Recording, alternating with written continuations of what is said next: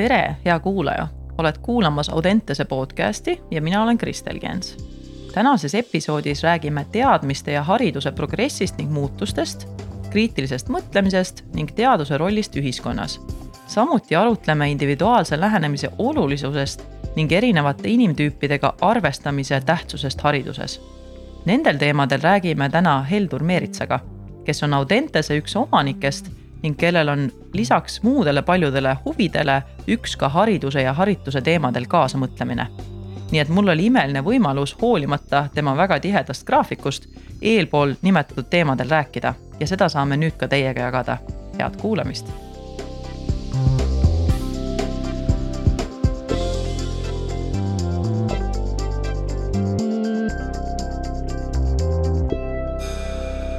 et võib-olla alustuseks äh, räägimegi nii-öelda lihtsalt sissesoojenduseks, et mis äh, on sinu enda hariduskäik ja, ja kuidas haridus ja millist rolli on üldse mänginud sinu enda elus? no hariduskäik on olnud üsna lihtne, et, et üksteist aastat äh, selles asutuses, mida toona nimetati Põltsamaa keskkooliks ja mis on täna Põltsamaa ühisgümnaasium, siis viis aastat Tartu Ülikooli ja formaalse hariduse poole pealt, noh, see ongi sisuliselt kõik jah, aga lisaks formaalsele haridusele on olemas ka veel mitteformaalne. nii et noh, mu meelest maailm on täis huvitavaid asju, huvitavaid mõtteid, et, et me saame isegi öelda ju, et, et kuigi teadus on meil kestnud ju aastatuhandeid, et, et me tegelikult ikkagi ei maailmast ega inimesest ja et, et no väga paljusid asju ei tea ja et, et noh, võib-olla füüsilisest maailmast me teame rohkem, aga inimestest ja ühiskonnast, et noh, minu meelest seal me oleme selle teaduslikus mõttes ikkagi veel nagu üsna lapsekingades ja aga inimestele ju ometigi meeldib mõelda, et me teame igasuguseid asju juba ja oleme jube palju juba omandanud, et. et tundub, et see, mis sa kirjeldasid, minu arust nagu väga hästi seostub sellega, et nii põnev on jätta see ka lahtiseks, et me ei peagi kõike teadma, sest see jällegi toidab seda uudishimu kogu aeg juurde teada saada jälle. no kui on nagu ainult selline uudishimu ja, ja sa nagu pead tõdema, et, et sa ei ole midagi uut teada saanud, et see on ka selline kurb, kurb maailm. jah, et, et me ikkagi saame aeg-ajalt jälle öelda, et, et et midagi uut on avastatud. mõnikord muidugi on äh, selle uue avastamise tulemus ka see, et, mõni vane, vanem teadmine osutub mitte nii, nii õigeks teadmiseks, kui me lootsime. aga noh, see sellegipoolest jah, me nagu näeme, eks ja et, et äh, progress toimub äh, kogu aeg ja kuigi noh, mõnikord on need progressi sammud tunduvad nagu väga-väga tillukesed jah, aga ometigi võib-olla eks, et selline äh, väga lihtne, triviaalne, käega katsutav näide on, et, et äh, autod et, et kui me nüüd võrdleme seda kahe tuhande kahekümne teise aasta autot eelmise aasta autoga, siis nagu tundub, et, et seal nagu ei olegi peaaegu midagi muutunud. aga kui me nüüd läheme kümme või kakskümmend aastat tagasi, siis me näeme, et, et muutusi on nagu kokkuvõttes olnud ikkagi hästi palju. ja nüüd nagu oma selles igapäevaelu pisikeses perspektiivis jah, me nagu ei pruugi seda progressi märgata, aga ometigi see progress toimub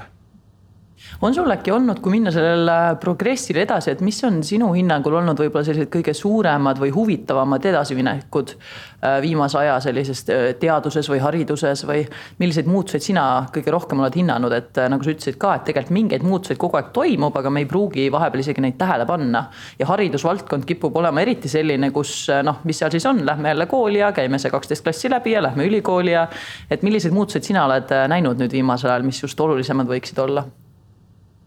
Nojah, ma ei tea, mis see vii, viimane aeg just on, eks, et, et, et noh, selle füüsilise maailma loodusteaduste osas ma nüüd väga ei julgeks mingisugust arvet pidada. aga inimene ja ühiskond, et need tunduvad mulle nagu oluliselt põnevamad ja et, et et noh, majandusteaduse seisu osas ma olen nagu üsna, üsna kriitiline, eks ja et, et üht ja teist ja kolmandat küll teatakse jah, aga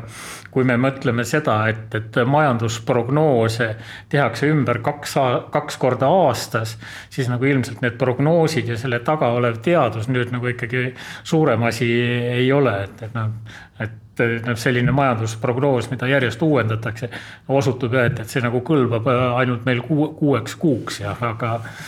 see on nagu natukene kehv, aga nüüd see, mis puudutab inimest, et ühest küljest äh, geneetika osas tehtud avastused ja teisest küljest äh, ma ise olen nagu ehk kõige rohkem vaimustunud psühholoogiast et, et, et noh, et, et see on noh, mu meelest olnud küll üldiselt niisugune väga jutustav aine ja, ja see, see on tegelikult kriitiline remark ja et, et, et noh, ma arvan ja et, et see, see, mida nagu papa Freud jutustas, et see on nagu teadusest väga kaugel, eks, et, et see on nagu äh, imeliku papi mingisugused veelgi veidramad kujutused. kui me tahame neutraalsed olla, siis võime öelda nii, et, et võib-olla see on nii, aga võib-olla ei ole ka aga siis ähm, sellise tõeliselt äh, teadusliku teadmise moodi tundub mulle nüüd olema äh, inimese isiksuse omaduse suur viisik sest et seal, seal ma nüüd küll usun, et, et siin on meil tegemist teadusliku teadmisega. kuigi noh, tuleb tunnistada, et äh, eks see teadmine on ka nagu rohkem selline tõdev ja kirjeldav aga ja, ja me liiga täpselt ei tea, mis seal taga on. aga nagu ometigi see aitab meil nüüd küll nagu inimesi ja maailma juba täiesti reaalselt seletada. kuigi, et, et noh, lõviosa sellest inimesega seotust on meil nagu endiselt teadmata ja tundmata mm. -hmm. ja, see on, see on huvitav, et psühholoogia on tõesti selles mõttes noh, muidugi minu jaoks ka hästi-hästi põnev valdkond. ja noh, ma olen ise ikkagi töötan peamiselt praktikuna, et minu jaoks on alati teadus on mind väga huvitanud ja, ja nüüd ka ma olen lõpetamas enda doktoritööd, et tundub, et mul ka see haridustee on üsna pikaks läinud. aga, aga just seesama, et ähm, noh, minu jaoks oluline küsimus on alati see, et äh, mis on nagu teaduse praktiline väärtus. et nüüd, kui me juba natukene nagu sellest teadusest oleme rääkinud ja mis on tegelikult hariduse üks väga-väga suur osa, et äh, mis sinu hinnangul on, on see, mis rolli teadus tegelikult äh, mängib äh, nii hariduses kui ka siis võib-olla ühiskonnas laiemalt. Äh, siin nagu saaks vaadata kahte poolt, et, et üks on nagu see, mis on nagu õppekava sisu ja teine on see, kuidas siis õpetamist ja õppimist ka korraldada, et, et, et ma selle teise poole osas ei julge nagu väga, väga midagi äh, arvata. aga ja et, et äh, selle kooli korralduse osas jah, ma rohkem püüan äh, nagu kuidagi niimoodi praktiliste tähelepanekute ja tarkade inimestega rääkimise teel kuidagimoodi edasi jõuda. aga see, mis puudutab nüüd õppekava, et see on nüüd üks suur küsimärk, et kroonviiruse pandeemia ajal tulid eriti reljeefselt välja meil inimesed, kes nõudsid, et oleks vaja oma peaga mõelda ja, ja siis selle oma peaga mõtlemise tagajärg, et, et oli, olid ikkagi mingisugused väga-väga kummalised seisukohad. et noh, mõni, mõnikord oli, mindi vastuollu ka nagu läbi täiesti niisuguse triviaalsete faktidega ja, ja noh, teine mõnikord tõlgendati neid fakte väga kummaliselt. nii et, et selline fenomen pani küll mõtlema, et, et kas me ikka ei tee midagi hariduses äh, valesti. Jah, kuigi võib, võib-olla see ongi lahendamatu ülesanne, et, et võib-olla, et selliseid niinimetatud oma peaga mõtlejaid, et neid on nagu ilmselt iga, igal ajal olnud ja võib-olla ei õnnestugi äh, haridusel nüüd kõiki neid äh, kitsas ja kõverkohti ära parandada. aga nagu teisest küljest jälle, kui olla nagu progressi usku, võib-olla siis äh, inimeste harimine ja koolitamine viib nagu lihtsalt lõpuks meid sinnamaale, kus niisuguse kummalise mõttelaadiga inimesi jääb lihtsalt vähemaks. et nad õpivad kriitilisemalt mõtlema ja, ja oskavad ka vahet teha, et, et kes on siis tõelised autoriteedid ja kes, kes mitte kas ma saan õigesti aru, et siis see hetke pandeemia, epideemia olukord, et see siis tekitas situatsiooni, kus äh, õpilased jäid üsna ise, ise pead nii-öelda sellega, et leida neid õigeid infoallikaid. Et äh, kui ma nüüd äh, mõtlen sellega kaasa, et äh, noh, kriitiline mõtlemine sinna juurde, et ähm, samas väga palju räägitakse, et kuidas iseseisev õppimine, õppimine ja õpilaste suunamine sinna, et nad oskaksid iseseisvalt õppida, on tegelikult hästi-hästi oluline ja see on suure väärtusega. aga samas on nii palju infot, noh, mis ei ole absoluutselt mitte kasulik, mida õppida. et mis sinu hinnangul võiksid olla need hariduses võib-olla siis sellised ähm, tegevused, mis aitaksid nii toetada seda õppija iseseisvust lahendusi leida ja, ja haridust omandada, kui ka see, et ta teaks tegelikult, kuidas siis neid valikuid teha selles infomüllus, mis meil tänapäeval on no see äh, õigete allikate, õigete faktide leidmine, et see on väljakutseks nii õpilastele kui ka täiskasvanutele. ehk äh, täiskasvanute pealt äh, tulebki ehk hoopis reljeefsemalt välja see, et mis siis koolis puudu on jäänud kuigi selle juures me peame arvestama, et, et inimesed ei ole ühesugused. et see, mis ühele sobib hästi, võib teisele lausa kahju teha,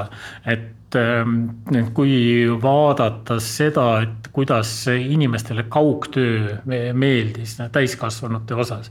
et seal oli mingisugune väike rühm inimesi, kes tahtsid ainult kaugtööd teha ja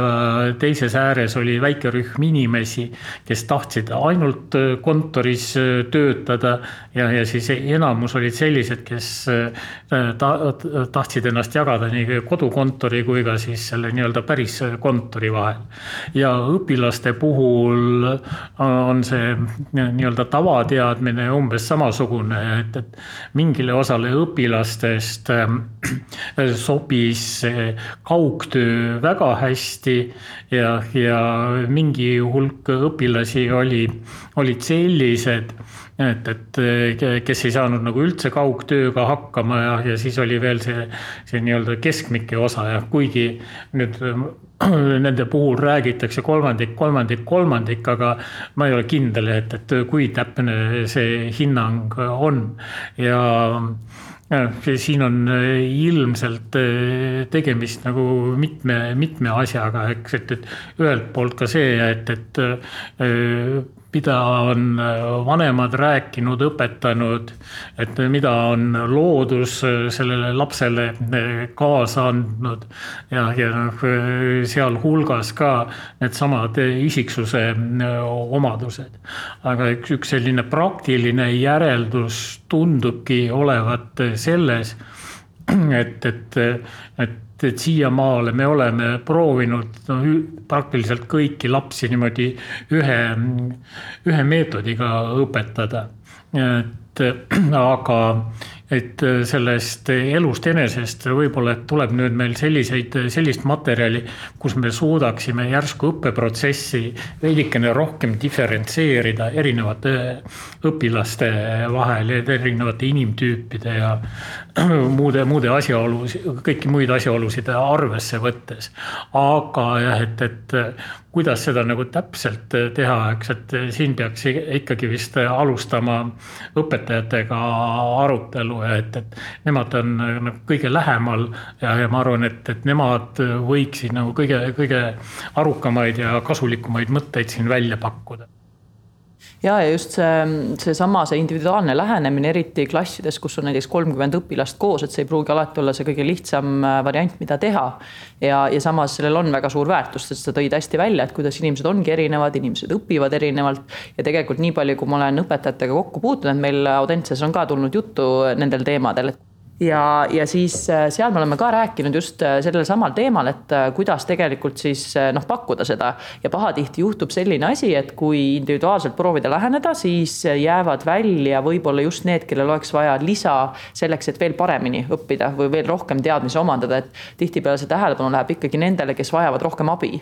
ja, ja nüüd ongi siis see väljakutse, mhm. et kuidas siis tegelikult saaks kõigi poole pöörduda niimoodi, et saaksid ka need rohkem tähelepanu, kes tegelikult võiksid siis midagi veel juurde omandada et kõik tunneksid seda nii-öelda individuaalset lähenemist siis? No ma ei tea, eks siin on, elus on meil palju piiranguid ja, ja üks, üks nendest piirangutest on ka nagu haridusökonoomika ja, ja äh, ma nagu ei tea, et, et, et ükski riik või ühiskond oleks võimeline niimoodi haridust korraldama, et igale õpilasele on eraldi õpetaja. et aga jah, et, et kui, kui meil on nüüd noh, näiteks kolm kolmekümne õpilasega klassi, et, et siis me saame nagu ühte klassi koondada need lapsed, et, et kellele meeldib rohkem omaette nokitseda ja kes saavad niimoodi paremini hakkama ja, ja teise klassi need, kellel siis äh, asjad edenevad ainult siis õpetaja valvsa silma all ja, ja keda on tarvis siis keda, kus saab küll individuaalselt vaadata, et, et keda, kes vajab rohkem kiitmist ja, ja kes rohkem noomimist. aga et, et, et selliselt me, meil oleks nagu hõlpsam seda nii-öelda individuaalset äh, lähenemist korraldada, et, et no mõni, mõnikord äh, kiputakse selle individuaalse lähenemise all mõtlema seda, et, et, et kui sul on sada õpilast, siis igale ühele peaks nagu mingisugune eh, eriline lähenemisviis olema, aga noh, tegelikkuses me ju teame, et, et nii mitmekesised need inimesed ikkagi ka ei ole, et, et nad jagunevad niimoodi erinevatesse tüüpidesse ja noh, samatüübilisi inimesi saab nagu tavaliselt nagu üheskoos tegutsema panna ka mm. -hmm. või, või mõnikord äh, mingites olukordades on just nagu hea, kui sul on nagu eritüübilised inimesed koos. aga noh, see on nüüd juba sihukene äh, sihuke pedagoogide mängumaa, et, et millises olukorras milliseid võtteid oleks kavalam kasutada ja see oli hästi tore, kuidas sa jagasid selle mitte selle alusel, et kes on õppimistulemuste poolest nii-öelda võrdsemad, vaid just see, et milline on nende õppimisstiil ja kuidas nad paremini siis tegelikult seda õppimist nii-öelda läbi viivad. et äh, vahepeal võib, võibki tekkida see, et ahah, et jaotame nad siis nii-öelda selle võimekuse jutumärkides järgi. aga see jällegi tekitab olukorra, kus ei ole tegelikult jällegi nendel, kes siis jaotatakse sinna mitte nii võimekate seltsi, üldse võimalik selles mõttes optimaalselt edasi areneda, et, et selline taseme mõttes segamine segamine, vähemalt teaduses on leitud, et see pigem on kasulik isegi, kui saab neid panna koos tegutsema nendega, kes on siis mitte nii võimekad ja need, kes on võimekamad, et nad tegelikult koos leiavad lahendusi, mis võivad olla kokkuvõttes paremad kui need, mida teeksid nad siis eraldi, et et see on, see on hästi oluline ja, aga, aga jah, see individuaalse lähenemise pakkumine tundub, et ei ole just kõige kergem ülesanne alati. no siiski, et, et ega see õpilaste erinev võimekus on noh, ikkagi ka meil tõsiasi ja siis noh, kui me räägime hariduslikest erivajadustest, nagu sinagi siin viitasid, eks, ja, ja selle juures sageli Ehm, noh, peetakse silmas tõesti neid äh, lapsi, et, et äh, kes siis niimoodi visamalt äh, edenevad ja, aga noh, tegelikult on selle kaussikõvera teises otsas ka need lapsed, kes jõuaksid keskmisest hästi palju rohkem. ja, ja noh, et see tundub mulle ka nagu väga suur raiskamine, et, et kui meil ei jätku aega ja energiat nende, nende lastega tegutsemiseks. nii et noh, see on nüüd jälle see praktikas ilmselt nagu päris keeruline küsimus, kui sa, et ühest küljest nagu eriti sihukestest sotsiaalsetest aspektidest on nagu mõistlik et, et sa paned erineva võimekusega ja erineva edenemiskiirusega lapsed ühtekokku. aga nagu siis selle juures peaks nagu vaatama ka, et, et nendel võimekamatel lastel, mis oleks ka sellise mõistliku pingutuse võimalus ja et, sest noh, et, et üks asi, mida siis selle õppekava teadmistega, faktide ja teooriate kõrval tuleks õppida, on ka see, et, et, et kuidas siis pingutada et, et kuidas saada edust osa. ja, ja noh, et see on nagu tulevikus selles nii-öelda päriselus nagu ka täpselt samamoodi nagu väga-väga oluline aspekt nüüd sa nii, mul on väga mugav seda teed juhtida, sest et see oli mul üks punkt, mis oli umbes järgmine, et kuidas me jõuame sinna, et mis on see nii-öelda eesmärgistatud pingutus. et sellest on Grete Arv on hästi palju võtnud sellel teemal sõna, et kuidas see nii-öelda efektiivne õppimine võiks välja näha ja kui suurt rolli mängibki tegelikult see, et õpilased saaksid võimaluse pusida. aga mitte lihtsalt pusida ja piinelda, vaid see, et nad pusivad mingite eesmärgistatud tegevuste nimel. et midagi uut omandada ja tegelikult see pusimine ja see nii-öelda vaevanägemine mingisuguste uute teadmiste või oskuste omandamisel on üks väga-väga oluline asi. ja see on tegelikult huvitav, et see on ka, kui laps sellest aru saab, siis see on ka tegelikult asi, mis motiveerib. et kui ma olen kogu aeg olukorras, kus ma mitte millegagi pingutama ei pea, siis tegelikult kaob see motivatsioon ka lõpuks ära, et. Ähm, kui minna sellega edasi, et sa mainisid, et see on tegelikult sihukene asi, mida on ka tulevikus vaja, et see pingutus ja, ja selle nii-öelda oskus ka pingutada. Äh, kas sa tahaksid äkki jagada äh, midagi sellist, kus sul endal on sellest kasu olnud ja, ja kõigepealt tegelikult ma kõigepealt küsiks seda, et kas haridus sulle seda andis, seda oskust pingutada? ei, ei oska tõtt-öelda, aga ma arvan, et ma olen tegelikult nagu üsna, üsna kehv pingutaja ja et, et nagu, nagu läbi halli kivi nagu sageli minek, et, et ei ole mu esimene eelistus ja, aga ma olen nagu püüdnud äh, nii-öelda iseennast üle kavaldada ja, ja olen nagu proovinud leida, et, et ühe või teise probleemi juures, et, et mille poolest on ta huvitav, põnev ja intrigeeriv. et, et see, see on nagu aidanud järje, järjest edasi ja, aga kui, kui sa nüüd nagu pead nagu lihtsalt kohusetundest rühmama, et, et see, need asjad mul ei tule tegelikult väga hästi välja. ja see, see on ka loogiline psühholoogilisest seisukohast, miks ei tule, sest et siis kaobki endal see eesmärk ära, miks ma seda teen mm. -hmm et nii-öelda lihtsalt pingutamine tavaliselt inimestel, siis nad kustuvadki ära, et neil on vaja aru saada, miks mul tegelikult minule endale on see pikas plaanis kasulik, et ma selle nimel pingutan, et muidu ongi see suhteliselt mõttetu. aga seesama, sama fakt, mis sa nüüd välja tõid, just see nagu uudishimu ka, et eh, ma olen igal juhul lugenud eh, asja, mida sa oled öelnud sellisel lehel nagu Huvitava kooli leht. ja seal oli hästi kihvtilt, kus sa olid öelnud, et kooli roll on tekitada lastes eluterve uudishimu ja avastusrõõm kus äh, lapsed saavad vastavalt oma eeldustele ja eripäradele areneda. et siin sa tood ka väga hästi välja eeldusel, et see on õige, mis seal kirjutati. et, äh, et just see nii-öelda uudishimu ja avastusrõõm on see hästi-hästi oluline asi koolikeskkonnas ka. Äh, mis sa arvad, miks just see? miks nagu selline asi on hästi tähtis ja see oli intervjuu, mis oli tehtud, ma arvan, aastal kaks tuhat paarteist, nii et see on päris tükk aega tagasi. et äh, kui see endiselt on oluline, et kool oleks selline, mis pakub just uudishimu ja avastamisrõõmu, et miks just see, miks see selline hästi oluline asi on? et ähm, no see, see, mis nagu maailmas asjad käima paneb, selle kohta on mitu sellist äh, populaarset äh, teooriat ja, ja et ähm, üks nendest on see, et, et liikuma panevaks jõuks on laiskus ja uudishimu ja, ja no nii nagu enda puhulgi, et, et ma arvan ka laiemalt, et äh, uudishimu on nagu palju tugevam jõud kui nagu lihtsalt kohusetunne või hirm. see on äh, selline positiivne motivaator,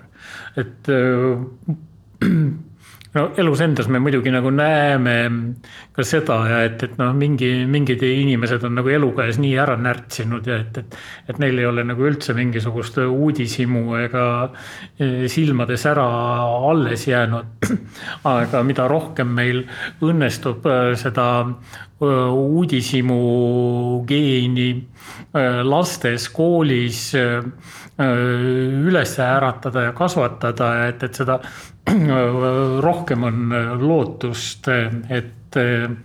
et see nagu jääb neil ülejäänud eluks ka kestma mm. -hmm et aga mingeid garantiisid siin meil nagu kahjuks ei ole seda, seda kindlasti piisab sellest, et tuleb järgmisel haridusastmel keegi selle, selle geeni jälle nagu natukene maha vaigistab ja siis on jälle ta kadunud, aga mis on hästi tore selle paralleeli, paralleeli puhul ka, mis sa välja tõid, et lihtsalt kuulajatele ka, et tegelikult noh, geenidega ongi selles mõttes hästi huvitav asi, et nad tegelikult ju olemas on ikka, aga põhiline ongi, et kas see keskkond seda nii-öelda käivitab või soodustab äh, selle aktiveerumist või mitte. et äh, see ka, et nüüd mõne, mõni on loodud olema uudishimulik ja mõni teine ei ole loodud loodud, et see nagu päris nii ei käi, et tegelikult see geen on kõigil kuskil olemas, aga lihtsalt tuleb seda siis nii-öelda stimuleerida. nojah, et me oleme nüüd siinsamas, eks, et need isikuomadused on nagu üsnagi suures osas kaasasündinud inimestele, kuigi et, et, et siin mõni uuring ütleb, et, et neid saab nagu natukene timmida ka, aga noh, et see on nüüd äh, maitse asi, et, et kas see timmimise ulatust pidada nüüd väikeseks või, või keskmiseks või suureks, eks, et, et noh, päris, päris pea peale inimene ennast ümber ei saa teha aga noh, nagu ikka, et, et kui inimene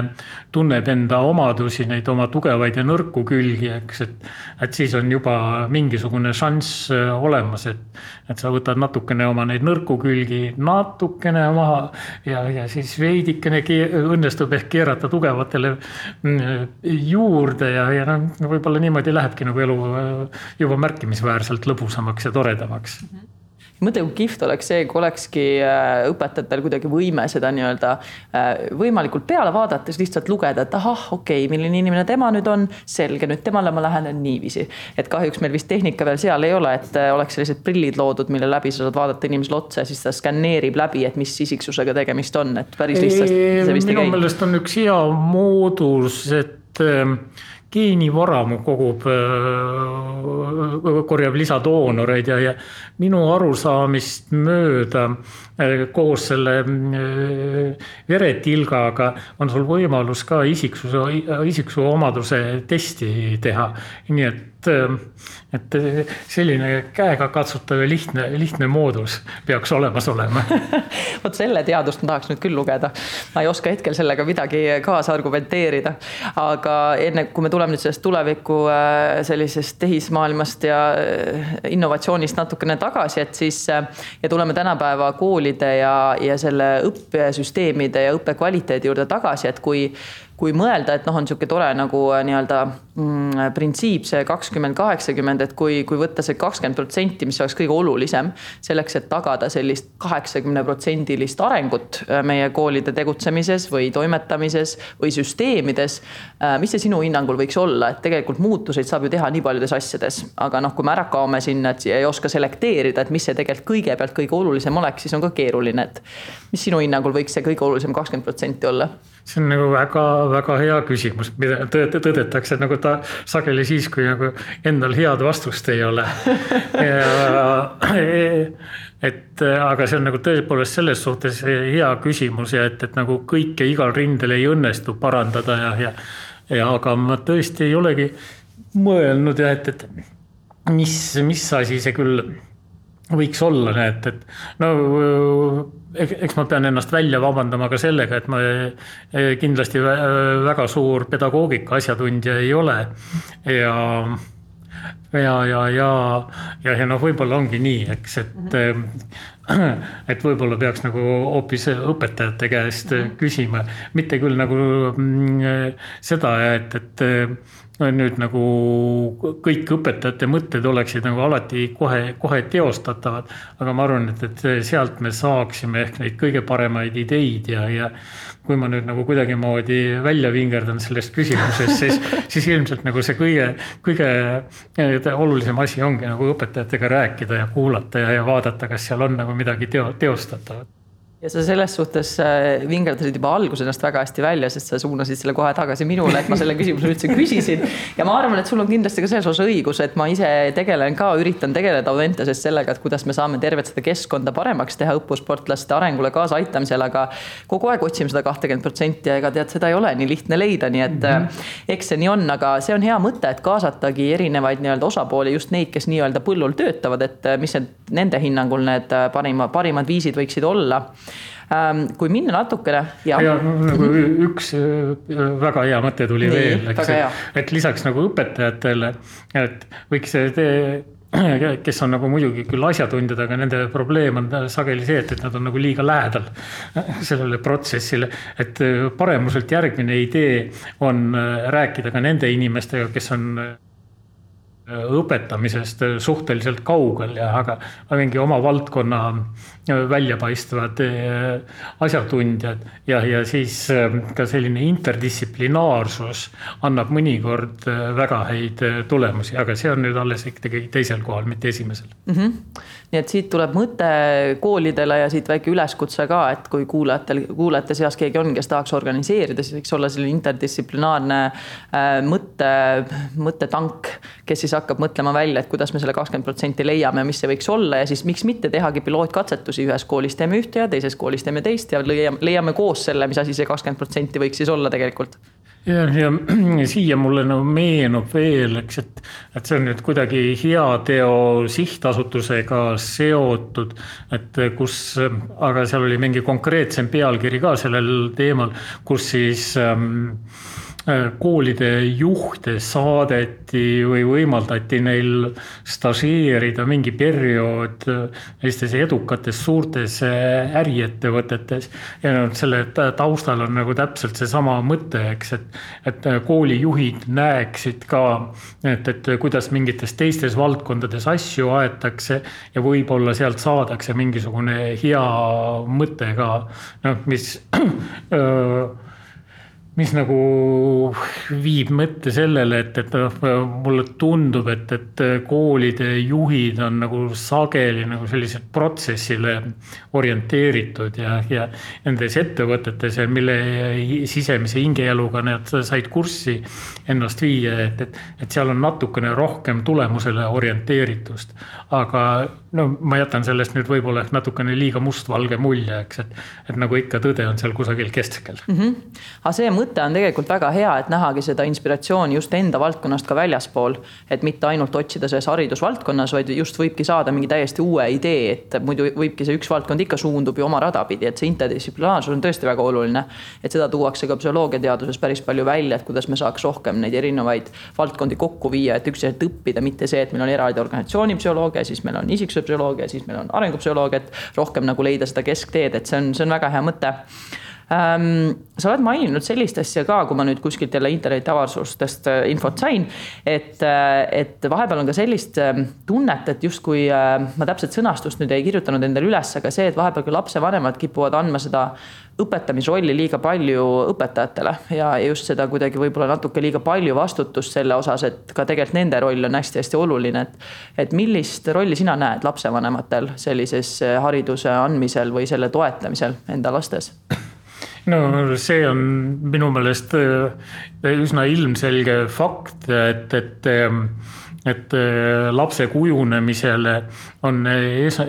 esmatähtsad ikkagi tema vanemad ja äh, perekond. ja, ja kui keegi nüüd võib-olla ka unistab sellest ja et, et, et, et kool, võtke see laps ja tehke temast midagi. et siis, siis sellised inimesed on nagu ikka väga rängalt eksiteel. aga et, et kooli roll saab ikkagi olla, noh eri, eriti hoiakute ja väärtuste kujundamisel saab olla Äh, toetav ja abistav. ja, ja kui, kui mõni asi kusagilt nagu väga kiiva kisub, et, et siis, siis võib-olla ehk saab natukene õgvendada, aga päris pea peale nüüd kool suudab äh, harva äh, inimesi pöörata, et, et noh, iseasi on nüüd see, et, et kuidas lapsevanem, kuidas ta oskab matemaatikat või bioloogiat õpetada. et selles osas on nüüd kindlasti õpetajad spetsialistid ja selle tööga saavad õpetajad paremini hakkama kui eh, lapsevanemad aga hoiakud ja väärtused, need, need on eh, ikkagi see kodune, kodu, koduroll on ikkagi esmatähtis jõuamegi selle, selle järgmise hästi olulise punkti juurde, et mis on nagu vahe sellel akadeemilisel haridusel ja mis on tegelikult see haritus. et need on ka kaks natukene nagu erinevat asja, et ja sa nimetasid sellist asja nagu väärtused, et koolikeskkond võiks seda ka anda noortele edasi, et kas sul on endal näiteks mõningaid kas iseenda kogemustest või siis ka asju, mis sa oled näiteks kõrvalt näinud, et millised on sellised head keskkonnad ja milliseid väärtuseid nad edasi annavad et kui saaks sellist äh, natuke võib-olla kaarti kellelegi, kes mõtleb, et okei okay,, et noh, koolis võiks tõesti väärtuseid edasi anda, et mis need kõige olulisemad võiksid olla uh,? et, et see nüüd äh, lõhnab selle järgi, et, et äh, on nagu tarvis uus sõda ja rahu kirjutada, sest et, et see nende võimalike heade ja positiivsete omaduste nimekiri, see võiks olla või see ähvardab alati nii tohutult eh, pikaks eh, minna. ja, ja ma arvan, et, et iga kool võiks nagu ise mingisuguse, sest et need asjad käivad ikkagi koos inimestega. et, et kool võiks nagu ise, ise selles kokku leppida, pidades silmas ka, et, et, et kes on nende lapsevanemad, millises keskkonnas need lapsed elavad ja nii et, et mu meelest oleks nagu väga riskantne siin nüüd no, mingisugust nimekirja hakata ette andma, et, et siin oleks jah mõistlik jah, kui oleks nagu veidikene paindlikkust ja, ja kõrva selle ümbritseva elu kuulamiseks ja see on äh, täitsa mõistlik mõte, et siis jällegi inimesed on ise ju selles keskkonnas ka paremad äh, eksperdid, kes oskavad ka öelda, et mis hetkel kõige rohkem nii-öelda tähelepanu vajaks, et mida soodustada. Kas, ähm, kas sul endal on olnud mingeid selliseid keskkondi, kus sa võid nagu näiteks praegu tagasi mõeldes öelda, et vot tegelikult kas olgu selleks siis haridusasutus või ka, või ka mingi töökeskkond, et äh, võikski öelda, et tegelikult sealt võib-olla ma mingisugused väärtused või oskused kaasa sain et äh, kui mõelda just haridusest nagu teadmiste mõttes, akadeemiliste teadmiste mõttes laiemalt. Eks nagu teatud mõttes on see elu kuidagi niimoodi orgaaniliselt edasi läinud ja, ja ma arvan, et, et iga, igal pool on jah nagu mingi, mingisugust avastamist ja, ja leidmist olnud, nii et, et ma nagu jah ei riski nagu midagi niimoodi väga konkreetselt -hmm. nimetama hakata igaks juhuks et juhuks, kui midagi läheb meelest ära, mida võiks tegelikult välja tuua ähm,. ma liiguks siit võib-olla edasi, et kui me oleme nüüd rääkinud natukene sellest ähm, kvaliteedist ka ja, ja mida nii-öelda koolikeskkond võiks tegelikult edasi anda, et nüüd me teame, et ta võiks anda midagi, mis ei ole ainult akadeemiline haridus, vaid ta võiks olla selline, mis kannab mingeid väärtuseid ka. Äh, samas on meil ju äh, väga palju tähelepanu, iga aasta tuleb välja neid toredaid äh, koolide edetabeleid ja siis tulevad meil need PISA testide tulemused ja kõik need asjad. mul on selle suhtes oma arvamus, aga ma ei hakka seda siin avaldama, et,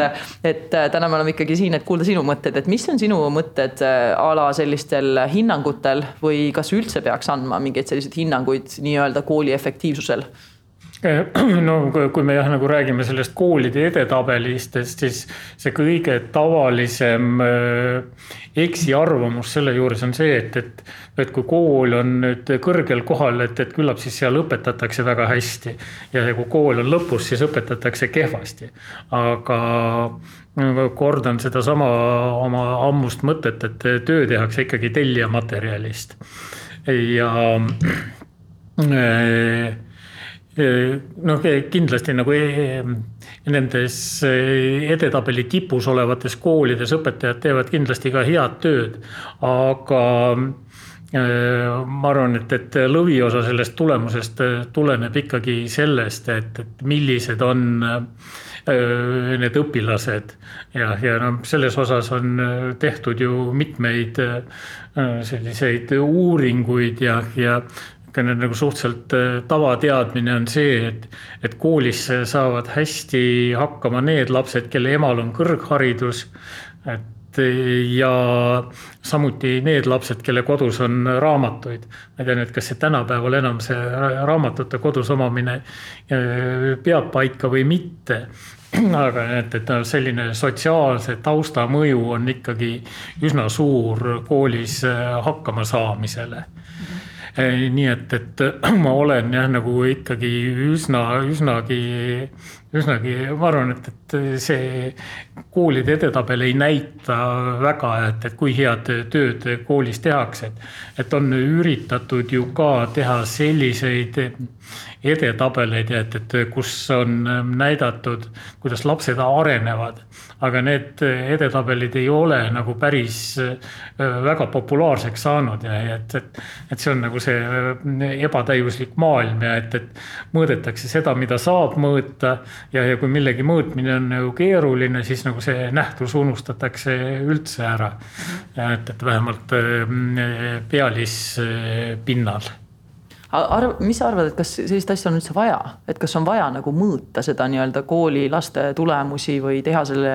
alusel pingerida või ma saan aru, et testida on vaja teadmisi, aga, aga seda on vaja nii-öelda presenteerida, et koolid võistleksid omavahel selles äh, õppeedukuses või nendes numbrites, eksamite tulemustes või? ma arvan, et, et äh, haridusministeeriumi jaoks võib siin nüüd nagu mingisugune iva olla sellistes andmetes. aga see, kui ajalehes äh, neid numbreid avaldatakse, siis see teeb minu arvates küll rohkem kahju kui, äh, kui kasu. Et noh, kui me siin nüüd võtame kasvõi spordi paralleeli, et kui on nagu edukas jalgpallimeeskond, et, et siis kui, kui ta on edukas, kas ta on, kui palju on ta siis edukas tänu mängijatele ja kui palju on ta edukas tänu treenerile. sest et noh, kui, kui seal on ikka nagu väga andetud ja laisad mängijad, et siis ka ime, imetreener ei suuda seal mingisugust tulemust välja venitada see on väga hea paralleel ja, ja nagu spordis öeldakse, et siis süüdi on alati treener, et noh, samamoodi võiks siis öelda, et süüdi on alati kool, et järelikult kool on kehva ja õpetajad on kehvad siis, kui sealt tulemusi ei tule, et. et see on, sellega ma olen, see ei ole küll väga oluline, aga ma olen absoluutselt nõus, et, et tegelikult need edetabelid ei ole see kõige parem koht, kus vaadata seda või hinnata, aga samas jällegi ma olen kuulnud vähemalt, et väga paljud lapsevanemad vaatavad selle järgi, et nad võtavadki selle lahti ja selle järgi vaadatakse, kas ma panen enda lapse sinna kooli või mitte, et. et see on jällegi selline keeruline koht. no selles on nagu mingisugune praktiline iva lapsevanema poolt äh, siiski ka, et sest et kool on see koht, kus siis äh, tekivad ka esimesed äh, niisugused nii-öelda sotsiaalsed äh, suhted et no kui mõni inimene nüüd ootamatult mingi kõrge koha peale satub, siis, siis ilmselt ilmuvad välja ka sellised tegelased, kes väidavad, et ta oli lasteaias tema kõige parem sõber, aga noh aga, aga noh, kool, kool on vast just see ja, ja tegelikult äh,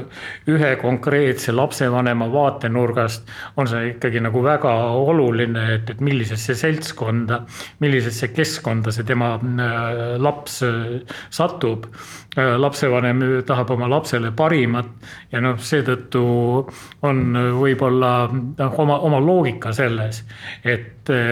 et ta oma isiklikust vaatenurgast äh, üritab niimoodi käituda. aga ma kardan jah, et, et ühiskonnale tervikuna ei ole see üldse, üldsegi hea ja nõus ja, ja kindlasti sa ütlesid väga õigesti, et lapsevanem alati tahab oma lapsele parimat ja selles ma ei ole kunagi kahelnud, et äh, ma usun seda ka siiralt ja ja siin võib-olla ongi lihtsalt väga huvitav jälle sihuke tulevikusuund, et mõeldagi välja, et mis need tegelikult siuksed adekvaatsemad kriteeriumid võiksid olla, et mis aitavad lapsevanemal mõista, et kas see kool on tegelikult siis hea keskkond minu lapse jaoks või mitte. et mis oleks alternatiiv sellele nii-öelda eksami tulemustele või, või siis sellele pingereale, et, et kas me saame sinna üldse mingisugused kriteeriumid luua ja millised need võiksid olla, et see on omamoodi küsimus. see, mida on katsetatud, on et sealt gümnaasiumite puhul ma arvan, et, et see oli nagu pigem nagu vist kas oli tasemetööd või olid need siis lõpueksamid, mille, mille järgi prooviti arvutada põhikooli lõpetajale mingi skoor ja, ja, ja eesmärk oli seda võrrelda siis tema skooriga Äh, gümnaasiumi äh, lõpetamisel, aga äh, nagu ikka, saatan on detailides ja, ja ma ei oska mingisugust seisukohta võtta, et, et kui õieti või hästi need skoorid siis ka tegelikkust kajastavad. sest noh, esimene probleem ongi see, et, et, et need ta, praktiliselt ainult kajastavad seda õppekava omandamist, et, et need ühte, ühte või teist või kolmandat konkreetset teadmist, aga need inimeseks olemise muud kvaliteedid, noh see empaatiavõime, koostöövõime ja, ja mida iganes, et need jäävad sellisest hindamisest ikkagi välja kahjuks just ja, ja see mõtle, kui mõtlengi praegu lihtsalt kaasa, et hästi põnev oleks tegelikult, kui saakski mingid sellised kriteeriumid luua, et ja kasvõi seesama uudishimu ja õpimotivatsioon. et kui suur on tal tahe õppida edasi näiteks või, või kui palju ta on kogenud äh, sellist uudishimu ja põnevust selle õpi, õpiaja jooksul, mis ta on seal koolis veetnud, et võib-olla need oleksid isegi adekvaatsemad kriteeriumid, arvestades seda, et kas see on hea kool või mitte no on proovitud ka mingeid kompleksnäitajaid eh, tekitada ja, ja no mille hulgas siis nagu vaadatakse, kui palju inimesi õpib eh, kõrgkoolis edasi. milline on see palk tal noh, näiteks kolm aastat eh, hiljem, aga noh, kasvõi sellesama kõrgkoolis edasiõppimise näitaja puudus on meil see, et, et, et see võtab vaikimisi eelduseks, et, et elus edukas olemine eeldab sul igal juhul kõrgkooli minekut. ja, ja kui sa, kui sa nagu satud kutsekasse, et, et siis sa oled juba peaaegu et nagu läbi kukkunud elus. et no mis, mille, millega ei saa nüüd ju kuidagi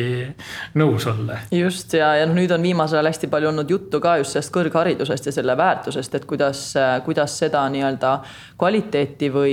või siis nagu, kuidas seda uuendada, et ta oleks ikkagi atraktiivne tänapäeva noortele ka, et kuna kuna tänapäeva noored on, noored on need, kes ju on hästi iseteadlikud ja, ja nad on väga palju juba loevad ja muidugi vaatavad Youtube'ist igast videosid ja kõike ja noh, eks meil on neid näiteid tippmaailmas ka, kes on siis jätnud ülikooli pooleli, võib-olla sinna jõudnudki, on hästi-hästi edukad. et igasugu mõtteid võib tekkida, et kui äh, korraks siin veel puudutada seda kõrghariduse teemat ka, et äh, mis sinu mõtted on kõrghariduse tulevikusuundade või parendussuundade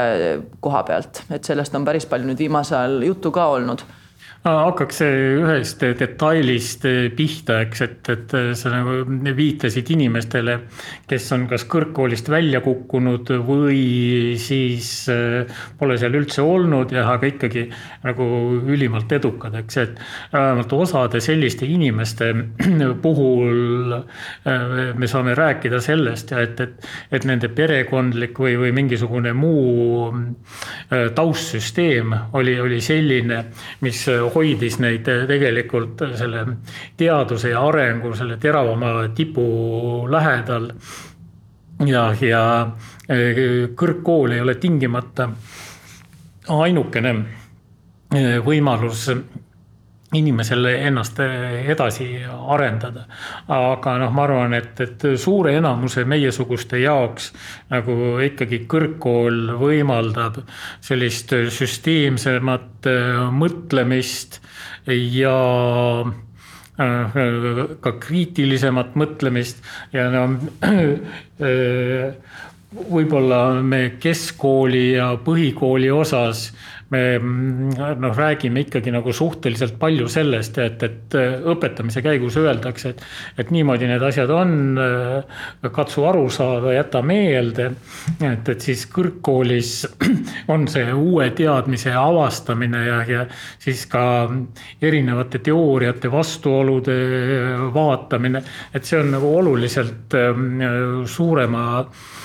rolliga ja Äh, siis ähm, äh, noh, sedasorti mõtteharjutuste tegemine noh, arend-, arendab ka inimest ennast, et noh, võib-olla ma olen nagu sellest enda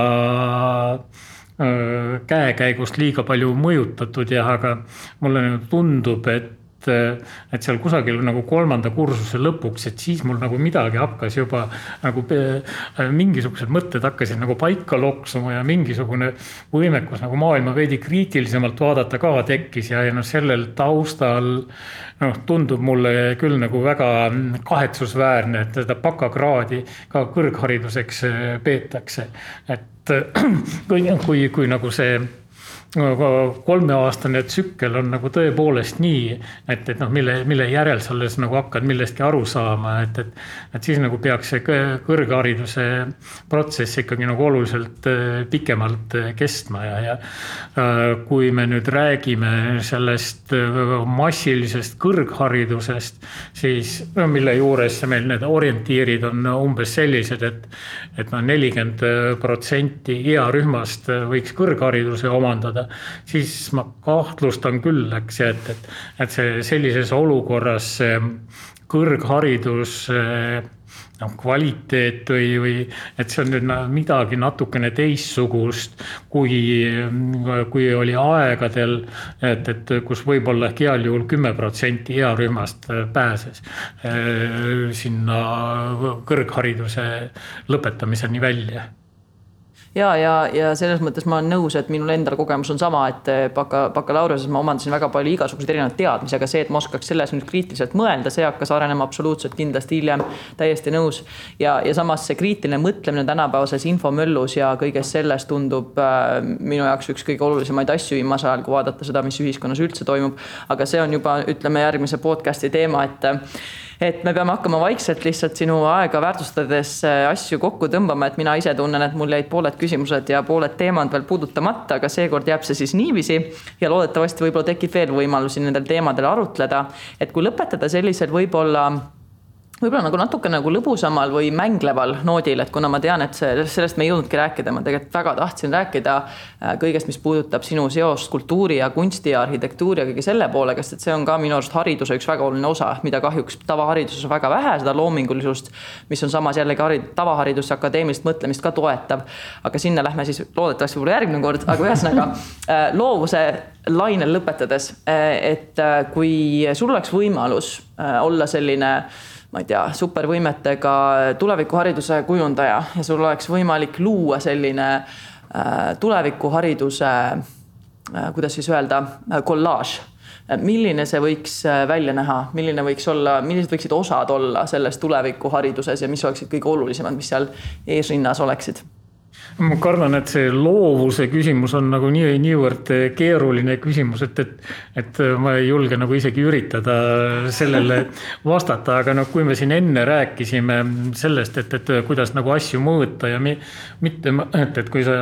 midagi saad mõõta, et, et siis nagu tundub, et see kogu, kogu maailm sellest mõõdetavast asjast koosnebki ja sa unustad selle mittemõõdetava ära.